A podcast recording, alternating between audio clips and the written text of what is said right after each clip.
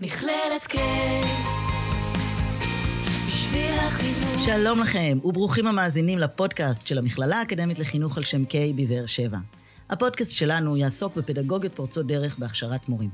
נשוחח, נלמד ונאזין למומחים ואורחים שפיתחו תוכניות פדגוגיות ייחודיות חדשניות, המייצרות תהליכי הכשרה המותאמים לעולם המחר, לדור המורים והתלמידים החדש ולמגמות העתיד.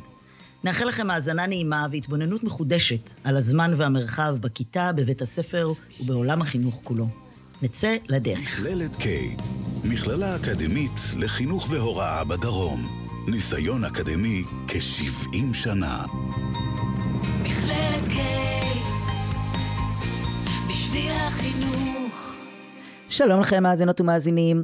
היום אני מארחת באולפן שני אנשי חינוך פורצי דרך במיוחד, אה, אילן בר שלום ויוסי שוורץ, שניכם אה, מרצים בתוכנית שחף, אה, וגם אתם מורים, מורים ממש, נפגשים עם תלמידים ממש יום-יום. יוסי מורה בבית ספר יסודי עד ח' ברנר בגבעתיים, ואילן שהוא היה מורה אה, בנהלל, אז יש לכם גם אה, חיבור לעולם הסטודנטים, גם חיבור לעולם הילדים, ברוכים הבאים יקרים. תודה, תודה רבה. אנחנו שמחים להיות כאן, ברוכים הנמצאים. תודה רבה, גם אני. יופי, אז אה, בואו נשמע על אה, קורס פשוט מדהים ומרתק, שמאוד מאוד אה, רלוונטי לנושא שלנו, אה, של הכשרת מורים פורצי דרך, קורס שאתם קוראים לו סביבות למידה אימרסיביות, ללמוד בעולמות התלת מימד, וואו, על מה מדובר?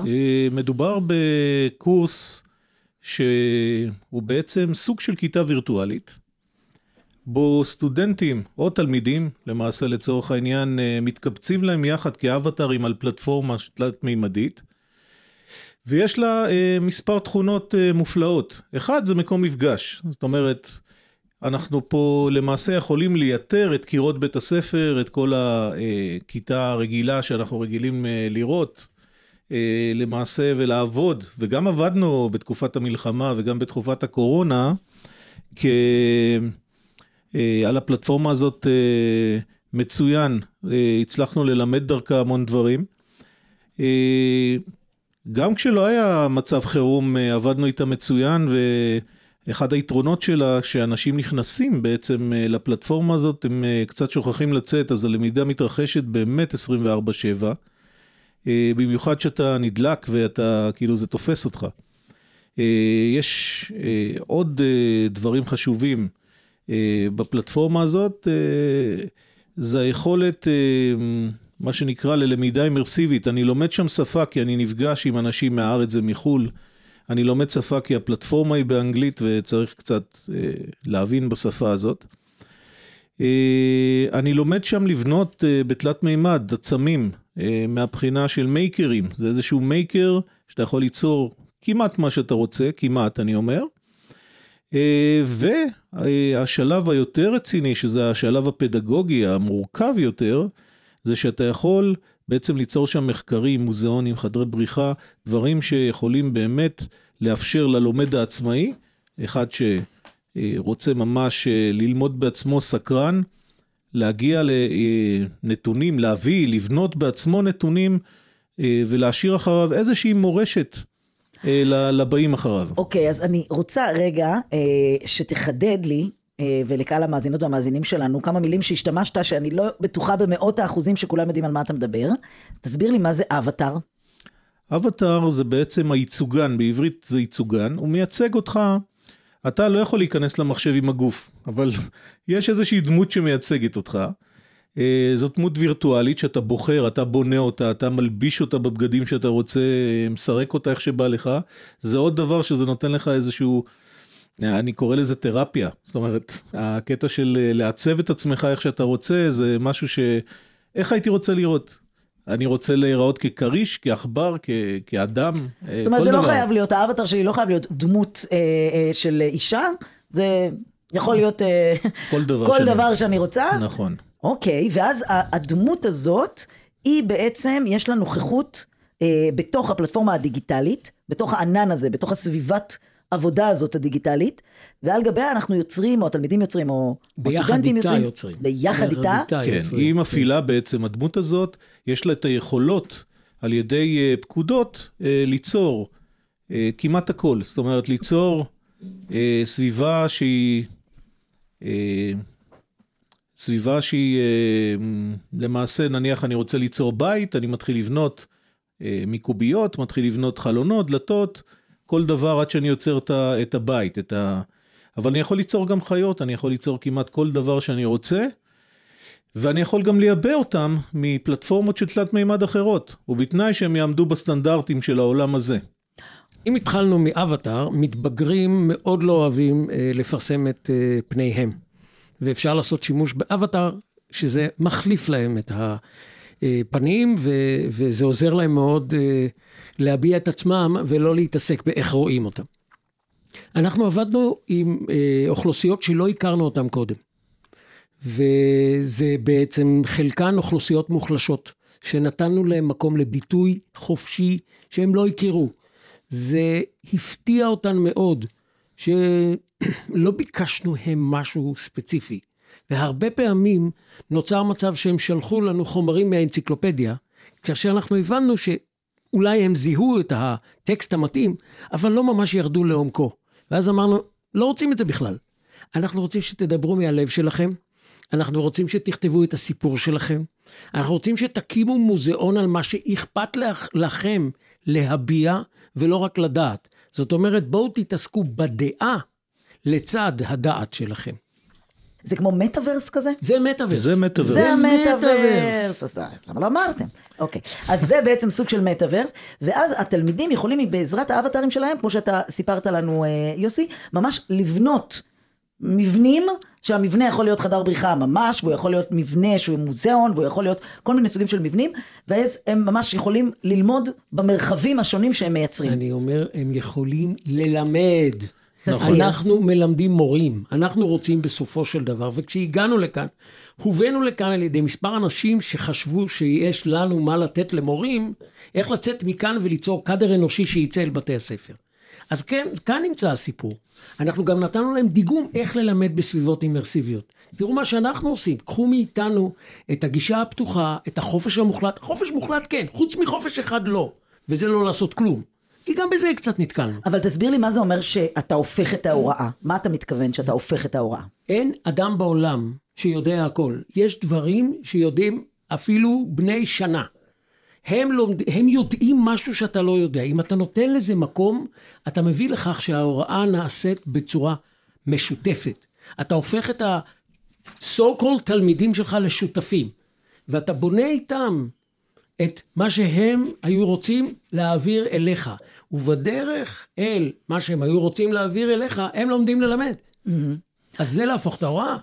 זאת אומרת, כמו שאנחנו לדוגמה עושים ב- ב- ב- בתפיסה של ה-PBL, שאנחנו בעצם נותנים להם ליצור פרויקטים ולהציג אותם וללמד את העמיתים שלהם, בין אם זה בכיתה או בין אם זה הקהילה או בין אם זה את המורים, ללמד את כל הקהילה החינוכית שסביבם, אז אתם בעצם משלבים בקורס שלכם את התפיסה הזאת שעובדים בקבוצות או ביחידים על פרויקטים, ובעצם הידע הוא משמש כ- כ- כאמצעי לפתח, זאת אומרת יש פה איזשהו שילוב, גם הפלטפורמה היא האמצעי וגם הנושא. ולהוסיף נדבך נוסף, כן. שנקרא The Social PBL, זאת אומרת ה-S שלפני מערבת אותם בחברה, mm-hmm. מערבת אותם, וגם הלמידה היא מעורבותית. זאת אומרת, אם הם רוצים להעביר איזשהו מסר מסוים, הם בונים אותו ומעבירים אותו באמצעות אותו מוזיאון, תערוכה. תן לי דוגמה, תן לי דוגמה למה אתה מתכוון. אוקיי. לייצר אה, תוצר שיש לו השפעה על העולם, השפעה לנו- על הקהילה. יש לנו שתי אה, תלמידות, אה, סטודנטיות, שבנו תערוכה שלמה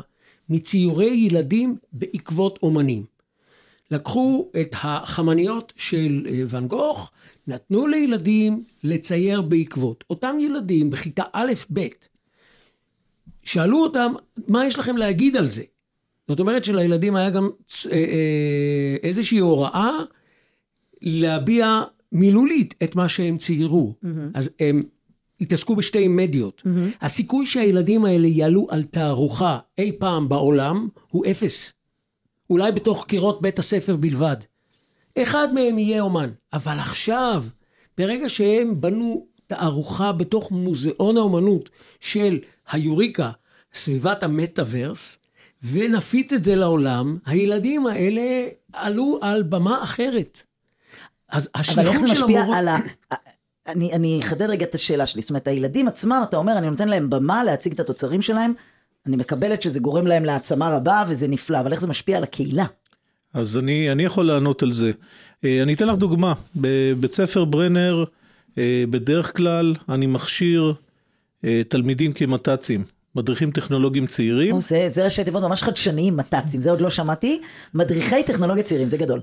החבר'ה האלה שהם קצת יותר טובים במחשבים, אה, אני נותן להם משימות, למשל לבנות חדר בריחה אה, במתמטיקה, כאשר הם לוקחים את כל החומרים של המיצבים הקודמים של כיתות ח' ובונים איתם את החדר בריחה. זאת אומרת, הם כבר בזה שהם מתעסקים ובונים ומחשבים איזה דלתות קוד לבנות ולתכנת אותם, יצרו איזשהו כלי שעכשיו אני לוקח סרטון שמסביר איך פותרים משוואה עם נעלם, ושם להם כמה תרגילים ממשוואות ונעלם, ואותו לומד עצמאי שנכנס פנימה לתוך חדר הבריחה, פותר חמישה תרגילים ב... של המשוואה. ברגע שהוא מאחד את כל המספרים שיצאו לו, הוא יכול לעבור לשלב הבא, ועכשיו זה חישוב שטחים, ואחר כך חפיפת משולשים, ואחר כך בעיות מילוליות, חדר אחרי חדר אחרי חדר, אני יכול להעביר אותם את כל המיצב בעצם בצורה אימרסיבית, בצורה שהם נכנסו לתוך זה, הם למדו מתמטיקה, הם העלו את הרמה של עצמם. וילד שנכנס למשחק ולחדר בריחה לא, רוצה, לא יכול, לא נותן לעצמו לצאת משם. תני לו את זה בספר לימוד, הוא יזרוק את זה בדף השלישי. זה הסיפור, הסיפור הוא שברגע שאתה יוצר סביבה שבה אתה צריך להפיק תוצר, ואחר כך אתה צריך לקחת אה, אדם אחר שיטייל בתוצר וייצא החוצה. מה זה ה escape? קוראים לזה חדר בריחה, אבל האמת היא זה מילוט. כדי למלט את עצמך מהחדר שאתה נכנס אליו, אין הליכה אחורה. בוא, בוא נשמע רגע את ההגדרה שלכם למונח סביבות למידה אימרסיביות, כי אני מבינה שלתפיסה הזאת של האימרסיביות, יש כמה וכמה פרשנויות. אז בואו תסבירו לי מה הפרשנות שלכם למונח אימרסיבי. אז מה שאני רואה בעניין הזה, לעומת בתי הספר שנמצאים עדיין איפשהו, קצת עם החרשת הסבר, השברים, שכחו להכניס את הטרקטור. הסיפור הוא נורא אה, פשוט. אנחנו עדיין נמצאים בסביבות אה, חינוכיות, שמפרקות את העולם לקוביות וקוראות אה, לקוביות האלה... דיסציפלין. דיסציפ... מקצועות בישראל. ח... חבל שלא קוראים לזה לפחות תחומי דעת, אבל אוקיי, דיסציפלינות, בסדר? כן. העולם לא מחולק לדיסציפלינות, זו חלוקה מלאכותית. האימרסיביות, שזו בעצם מערכת שמטבילה, אתה יכול לצבוע פריט, בשתי אפשרויות, לקחת מברשת ולצבוע אותו, או לטבול אותו בתוך נוזל הצבע ולהוציא אותו החוצה. This is to immerse. To immerse זה לצ... לטבול אותו. עכשיו, פעם חשבו שאפשר ללמוד שחייה בהתכתבות, עד שזרקו אנשים למים והם היו צריכים לשחות, ולמדו לשחות מתוך ה... או טבעו. או טבעו. מה שקורה עם אה, עבודה אימרסיבית בחינוך, לפחות לטעמי, ועכשיו ביחד עם יוסי, זה לטבול בתוך המקום שבו אתה צריך להביא את כל פיסות הדעת ולשים אותם ביחד, בדיוק כמו שאתה טובל פריט בתוך צבע. החיים מורכבים, הם לא דיסציפלינות. אתה הולך ברחוב, אתה רואה עץ. העץ הזה זה המון דברים. זאת אומרת שבתפיסה שלכם המילה אימרסיביות היא לאו דווקא כוללת, כוללת דיגיטל. היא לא כוללת טכנולוגיה. היא כוללת, אם אני עכשיו מחברת בין ספורט ואומנות והיסטוריה, בלי שום אזכור לטכנולוגיה, אני עדיין בסביבה אימרסיבית? במידה מסוימת, העניין הוא שהתוספת של האינטגרציה הדיגיטלית מאפשרת הרחבה של אותה יריעה של ה... המיקס הדיסציפלינרי. Mm. ואז אני גם מפתח כלים אצל הלומדות שלי, אני מפתח כלים של הסתכלות בזה. Mm-hmm. איך אתה יכול להסתכל ולהעריך את כל פיסות הידע שהוכנסו כדי ליצור את המוצר השלם. אוקיי, okay, ובעצם השימוש בסביבת למידה אימרסיבית הוא, הוא אה, בהיבט, כמו שאני לפחות אה, תפסתי אותה, אה, ברגע שאני משתמשת בפלטפורמה הדיגיטלית ויש לי בתוך המטאוורס בעצם את, ה, את התוצרים, אז יש לי גם כמו שהזכרת מקודם איזשהו סוג של השארת חותם והתוצרים הם לא חד פעמיים ונעלמים, הם נכון. תמיד איתי, אני תמיד יכולה לחזור לזה, נכון. ומן העבר שאני יכולה גם להפיץ את זה, תמיד אני יכולה לעשות share, ואנשים תמיד יכולים לבוא, להסתכל, להכיר, וגם אם עבדתי על איזשהו משהו, אז אני, זה לא מדויק מה שאמרתי עכשיו? לא, לא, מדויק מאוד. אה, אוקיי. בסדר גמור, כן. אוקיי, אז יש לי... אז, אז אני יכולה לשתף, שזה עוד אלמנט מאוד מאוד גבוה, שהרבה פעמים כשהיינו עושים uh, PBL בהרבה מאוד מסגרות, היה ערב מדהים, היה ערב פרזנטציות מרשים, מדהים, מ- מ- מרגש מאוד, אבל כעבור זמן מה, התוצרים היו ככה הולכים וככה נשכחים ונעלמים, אה, וגם הערב היה חד פעמי. ובעצם ברגע שאנחנו עושים שימוש במטאוורס, אז יש לנו את זה גם לתמיד, וגם היכולת ההפצה היא אינסופית, אז זה באמת שני יתרונות מאוד מאוד אה, דרמטיים לשימוש בפלטפורמה כזאת לתוצרי PBL. אה, רציתי לשאול אתכם רגע, עוד איזה משפט, אם אתם יכולים לשתף אותנו קצת על מה, מה התפיסה שלכם של בינה מלאכותית. האם אני יכולה היום אה, להגיד לפרומפט שלי, תכין לי אבטאר, ואני רוצה לשבץ אותו בתוך המטאוורס? יש כבר את זה. יש כבר את זה? יש, יש, יש. מתחילים זה, אבל יש, כן. אז, זאת אומרת, יכול להיות שאפילו החדשנות המדהימה של לייצר אולפני שידור וחדרי בריחה והכל, בסוף אה, התלמידה תרשום בפרומפט דמות, ובזה זה יסתיים? יש סיכוי אה, סביר שנוכל גם להכין סרטים אה, מומצאים על ידי ה-AI. אה, זה יגיע, זה יגיע. אבל אה, העניין הוא לא אם התלמידה תרשום וזה ייצור בשבילה, אלא אם היא תדע את הערך של הדבר הזה ותדע לרשום את הערך. ולכן מה אני, אתה מתכוון תדע לרשום את הערך? אני עובד עם הסטודנטיות כל הזמן על איך אתן מסבירות את הבחירה הפדגוגית שלכן. שיקולי הדעת. ואז לא ייתכן שזה יהיה אותו דבר למישהו אחר. זאת אומרת, זה תמיד יהיה ספציפי לה. זה גם מוביל לכיוון הזה שאנחנו היינו מורים 24. שבע לפעמים. זאת אומרת, מצבים שמקבלים פנייה מסטודנטית באמצע הלילה, אני באמצע באותה... והשיחות, ונתנו לזה מקום.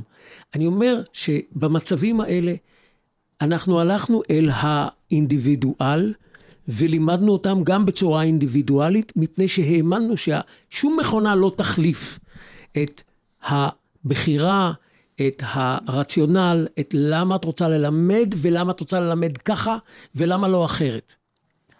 אוקיי. רצית אני? כן, אני אוסיף שהנושא של הקשר בעצם בין המנטורים לתלמידים, זה הדבר הנדבך לדעתי הכי חשוב כאן. אתה מדבר על תהליך ההוראה. זאת אומרת, כן. תהליך ההוראה של איך אנחנו מלמדים בסביבות למידה אימרסיביות. אז בוודאי, תסביר. אתה צריך להיות זמין. לזה- אני חושבת שאולי גם לזה יוסי התכוון שדיברת על ה-24/7. זאת אומרת שאם היא, היא עכשיו בנתה איזה משהו והיא לא יודעת את הפעילות האחרונה של ה save, או היא נתקעה באיזה משהו, אז אוקיי. והיינו שם כל הזמן. וואו. כל הזמן. אני קורא לעצמי מורה של וואטסאפ.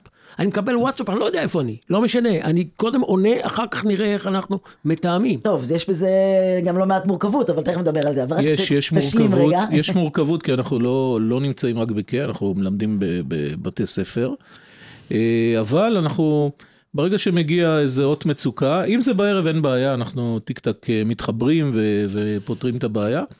אם זה בבוקר, אז קובעים לערב, פשוט אה, ליותר מאוחר. אה, אבל החיבור, החיבור עצמו, אה, לבוא ולהקשיב לאנשים, ולא הבנתי, אוקיי, עוד פעם, יושבים איתם ביחד אה, פרטני, ממש אה, אה, לפתור את כל הבעיות ולתת להם רעיונות ולעזור להם עם רעיונות, אה, זה משהו שאני חושב ייחודי לנו. כן. תגידו רגע, אם, אה, אני, אני מסתכלת על, ה, על הילדים שלי ואני רואה אותם שעות בתוך המסך. אה, גם אם אני רוצה וגם אם אני לא רוצה, הם נמצאים שעות בתוך המסך. האם אני רוצה שגם בזמן בית ספר הם יהיו במסך? זאת אומרת, ש- ש- שאנחנו מנחים כאן בעצם סטודנטים, ואנחנו אומרים להם תבנו סביבות למידה, אינטראקטיביות, אה, מולטי דיסציפלינריות, אימרסיביות, כל המילים הלועזיות שאפשר לבחור, אבל בסוף אנחנו גורמים לילדים, ללקוח הקצה קצה שלנו, לא רק לסטודנטים, להיות עוד שעות בתוך המסך. אם היושב במרומים היה רוצה שלא נדע, היה חוסם את הכניסה לעץ הדעת, אבל הוא העדיף לחנך. הסיפור עם המסכים הוא לעשות אותם ולהתאמץ שהם יהיו טובים לילדים. זאת אומרת, הייתה לנו איזה מנהלת בית ספר באיזה רעיון שדיברנו איתה על העניין, והיא אומרת, עוד מסכים, אתם באים עוד פעם עם מסכים, אנחנו באים עם הצד החיובי של המסכים. זאת אומרת, אם אנחנו יכולים לגרום לכך שילדים יעבדו מול מסכים שהם בין כה וכה שמה, אבל בצורה החיובית שאנחנו מביאים אותם לעבוד עם מסכים, אז אנחנו מילאנו שעות מסך חיוביות. אוקיי. אתה להוסיף על זה משהו? אה, לא, אני חושב שהגדרה מדויקת. אה, הנושא של engagement, החיבוריות של הילדים לתוך המסכים היא מאוד טבעית בעידן של היום. אה, ראית שנכנסנו לפה, אמרתי לך ישר, בואי נעשה טיק טוק. זה החיבור, שם הם נמצאים. זאת אומרת, אי אפשר להתעלם מזה, מהעולם שהם נמצאים בו, ולהגיד, אוקיי, אני ממשיך אה, ללמד ליניארית. זה, זה פשוט לא עובד יותר. אז, אז אם לא ללמד ליניארית, זאת אומרת שיש אה, אה, רצף של חומר, איך אתה מציע ללמד? מה, מה האופציה השנייה? קודם כל אין רצף של חומר. אה, לא, אני אומרת, אם לא ליניארית, תסבירו לנו מה זה האופציה השנייה. האופציה השנייה, אם אנחנו מגדירים ליניארית כ, ככתב, כפסקאות, כהחומר רץ בצורה של אה, פסקאות, אז אני מרבה ללמד דרך וידאו, דרך בקשה לעשות לי סרטונים על נושאים מסוימים, מהפכה אמריקאית, תנו לי אירוע במהפכה האמריקאית, תעשו לי אותו 2-3 דקות בווידאו, נהדר, הם לומדים את זה, תאמיני לי, חבל על הזמן. תנ"ך, לעשות פרומו לפרק בתנ"ך, אה, לתת בכלל אה, איזושהי פרסומת על כל דבר. המיומנויות שהם מקבלים, המיומנויות הדיגיטליות שהם מקבלים סביב הנושא הזה, זה משהו אדיר. כשאני מזכירה את העניין של ליניארי מול רב ערוצי, אני, חוש... אני, אני תוהה, אני שואלת אתכם, כשאנחנו מדברים על למידה, למידה ליניארית, אנחנו אומרים, אה, יש רצף של חומר, אה, ימי הביניים, זה, רנסאנס, זה, זה, זה, יש כאילו רצף, mm-hmm. אוקיי? אני צריכה ללמד נדבך הנלמד, קודם past, present, progressive, כאילו, אני צריכה ללמד ממש ככה. והיום אנחנו מבינים שאולי אחד הכלים גם להתמודד עם כיתה הטרוגנית, זה, זה ללמד בכמה ערוצים. Mm-hmm. ואז סוגים שונים של ילדים יכולים להתחבר לשלבים שונים, להתחבר אליהם מכיוונים שונים, לעשות תוצרים הרבה יותר מגוונים. אז היית צריכה לראות כיתה ט' בבית ספר ב... בגליל. אה, עם המוזיאון. ועם מוזיאון מלחמת העולם הראשונה. והם עבדו נונסטופ, גם בשבתות, וגם אנחנו נונסטופ, כמו שאמרתי, 24-7, על הפקה של לה... להעביר את מסר הרגשי שעשו בו שימוש גם בתעמולה בזמן המלחמה ההיא, גם במכתבים, ילדה כותבת מכתב לאהוב בתעלות, בשוחות, שהיא לא יודעת אפילו אם הוא חי, וכותבת לו, ואם אתה קורא את המכתב שהיא כותבת לו, היא עמדה להינשא לו, אתה רואה שהיא שופכת לשם דאטה אמיתית, שמות של בתי ספר בתקופה, שמות של ילדים מאותה תקופה, אופנה מאותה תקופה, כל מיני דברים כאלה. בסופו של דבר, אין בעיה ללמוד היסטוריה מתוך ספר לימוד, כך קרה, כך קרה, בתאריכים האלה, בת... ואתה מכניס את בני הנוער דרך הדמיון ודרך הבקשה שלך, תספר את עצמך בתוך זה, אתה מכניס אותם ללימוד עמוק. וגם זה באמת... הדיפ לרנינג שאני מדבר עליו. לנו היה גם את הבחור עם הג'יפ. כן. היה לנו בחור שאמר, מה עכשיו היסטוריה, תמונות, מוזיאון.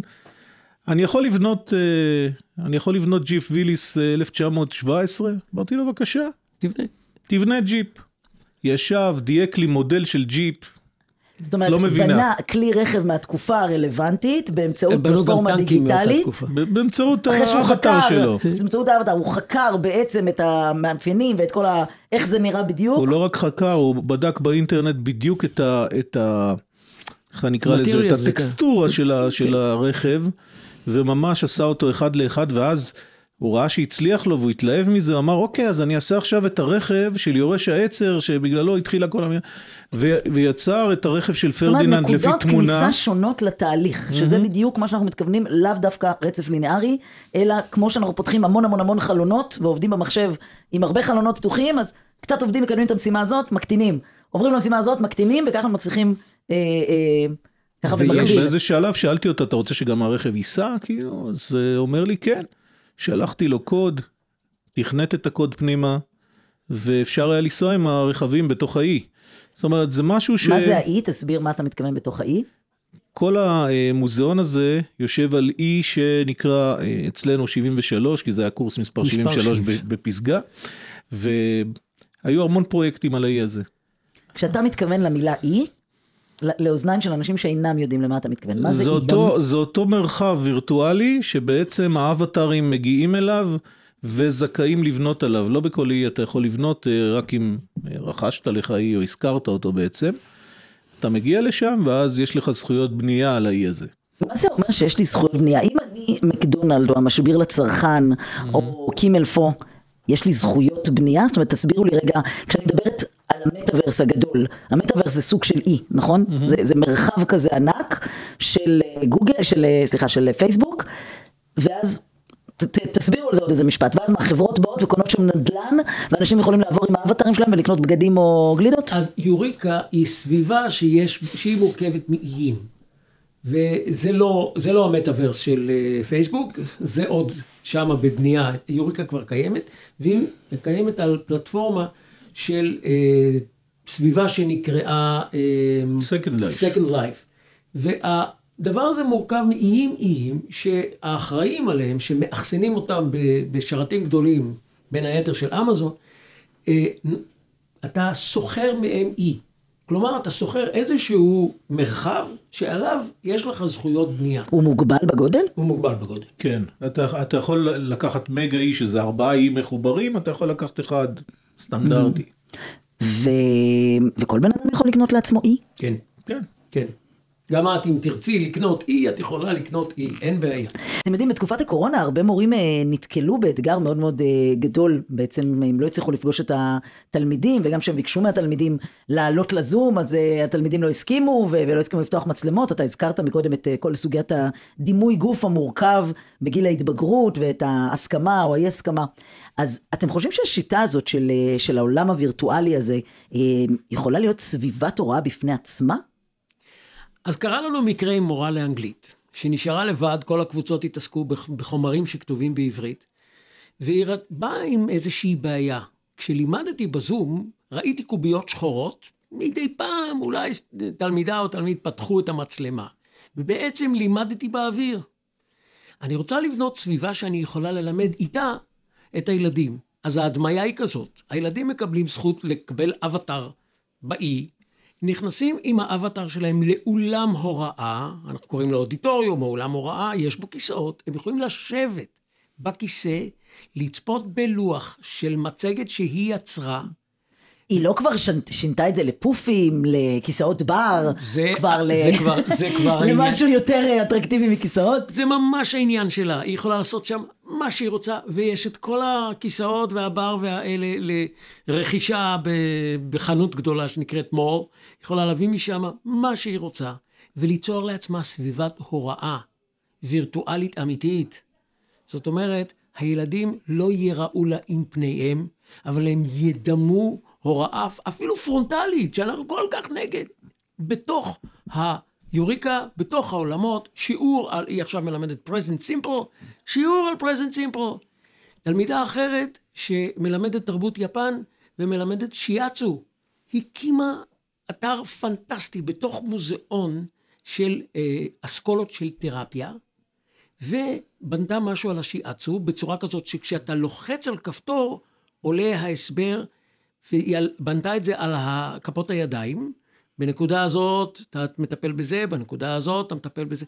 אמרתי לה, בואי נעשה מזה, בעקבות המורה לאנגלית, נהפוך את זה לסביבת הוראת שיאצו. וככה את יכולה ללמד. את פשוט יוצרת סביבת למידה בתוך היוריקה. כן, יש דברים אה, מופלאים שם בכלל בכל הקורס הזה. אה, למשל, אה, גיל גנים, שהם עדיין לא יודעים לקרוא, אז אה, הייתה מישהי שהציעה לעשות אה, חדר בריחה עם תמונות. זאת אומרת, עם כיתוב מאוד פשוט ו- ותמונות, וזה ממש נראה טוב. אה, מה עוד היה לנו שם? רכיבה, אה, כן. ריפוי ברכיבה, אה, דרבוקות עם ה... הדרבוקות היה סיפור מקסים של אה, מורות שמלמדות ילדים אוטיסטים. ילדים אוטיסטים ש, שלא יכולים להתבטא בדיבור, אבל הביאו להם משהו לתופף עליו, מתוך התרבות הבדואית שלהם. אז בנינו ביחד איתם מי- מיצגי ענק בתוך דרבוקות ענק, ששם הם שמים את ההקלטה של הטיפוף של הילדים, ואיזושהי אה, אמירה כתובה על מה הם חשבו שהילדים היו אומרים להם לו יכלו לכתוב, וגם את איך הם הרגישו בתור מורים שהעבירו את הילדים משוכה כזאת של דרכי ביטוי. זאת אומרת שהיוריקה היא יכולה לשמש פעם אחת כזירה לתוצרים, כמו שאמרנו, פעם אחת כממש מקום בו ניתן ללמוד, ככה ממש פשוט פיזית, אה, ו- ו- ופעם שלישית איזשהו מקום של ממש מפגש חברתי. זאת אומרת, ברגע שיש לי את העולם המקביל הזה, אני יכולה בעזרת האבטר שלי לפגוש את החברים לכיתה. אה, אני, אני שואלת את עצמי עד כמה המאזינות והמאזינים שלי, שלנו, אה, אני שואלת את עצמי עד כמה המאזינות והמאזינים שלנו מצליחים לדמיין בראשם את, ה, את הדבר הזה של, של המטאוורס או של היוריקה, אה, מדמיינים אבטרים, ניגשים, מדברים אחד עם השני. אה, בצ'אט או, ב- או במלל, מנופפים או מנופפים יד, צוחקים עליהם, זה- מחבקים, אפשר עולם הכל. חדש ונפלא. נכון, יש הרבה gestures שם, הם יכולים לרקוד, הם יכולים לעשות הרבה דברים. אה, יש לנו גם את הנושא של התבלינים, שזה היה ממש אה, גם מעורבות. כשזה התחיל הנושא, חשבנו איך להביא לזה ש... אה, להביא ידע בעצם של יצירת תבלינים מהעולם הבדואי, מהתרופות סבתא קראנו תרופות לזה. סבתא. ואז יום אחד, כשישבנו ועשינו שיעור, העליתי תלמידות שלי ל- לשידור. לזום. לזום, ו- ואז נוצר קשר עם, ה- עם הסטודנטיות, והתלמידות יעצו להם אה, מה, מה לעשות, הרחיבו להם קצת את ה... אה, זה היה נפלא לראות את זה, פשוט את הקשר הזה. זאת אומרת, כמו שאמרנו, אז בעצם ה- הפלטפורמה יכולה לזמן מגוון מאוד מאוד רב של מפגשים. גם סטודנטיות ותלמידות, סטודנטיות בכיתה ח' וסטודנטיות שהן בשנות ה-20. גם אה, נתת לנו דוגמה מקודם, אני לא יודעת אם אה, הספקנו להקליט את זה או לא, אה, שקבוצה של תלמידים מישראל למדה פיזית בתוך הפלטפורמה עם קבוצה של ילדים מארצות מארצות הברית. הברית. נכון. זאת אומרת, המקום עצמו, בעצם ברגע שאני יוצרת מקום, אני יכולה לייצר שם הרבה מאוד סוגים של מפגשים. כן, החבר'ה בארצות הברית גם הזמינו אותנו, הם בנו פלטפורמה למשל של קווידיץ', שזה של הארי פוטר, כאילו המשחק הזה עם המטאטים, ובאמת בנו עולם כזה שאתה לוקח את האבטר, עולה על מטאטה ומשחק עם הכדור הזה. זאת אומרת, הם ממש תכנתו את העולם הזה, כיף לא נורמלי.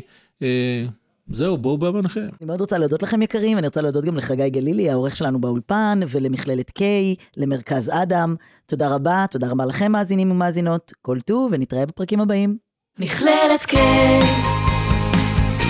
בשביל החינוך מכללת K בשביל החינוך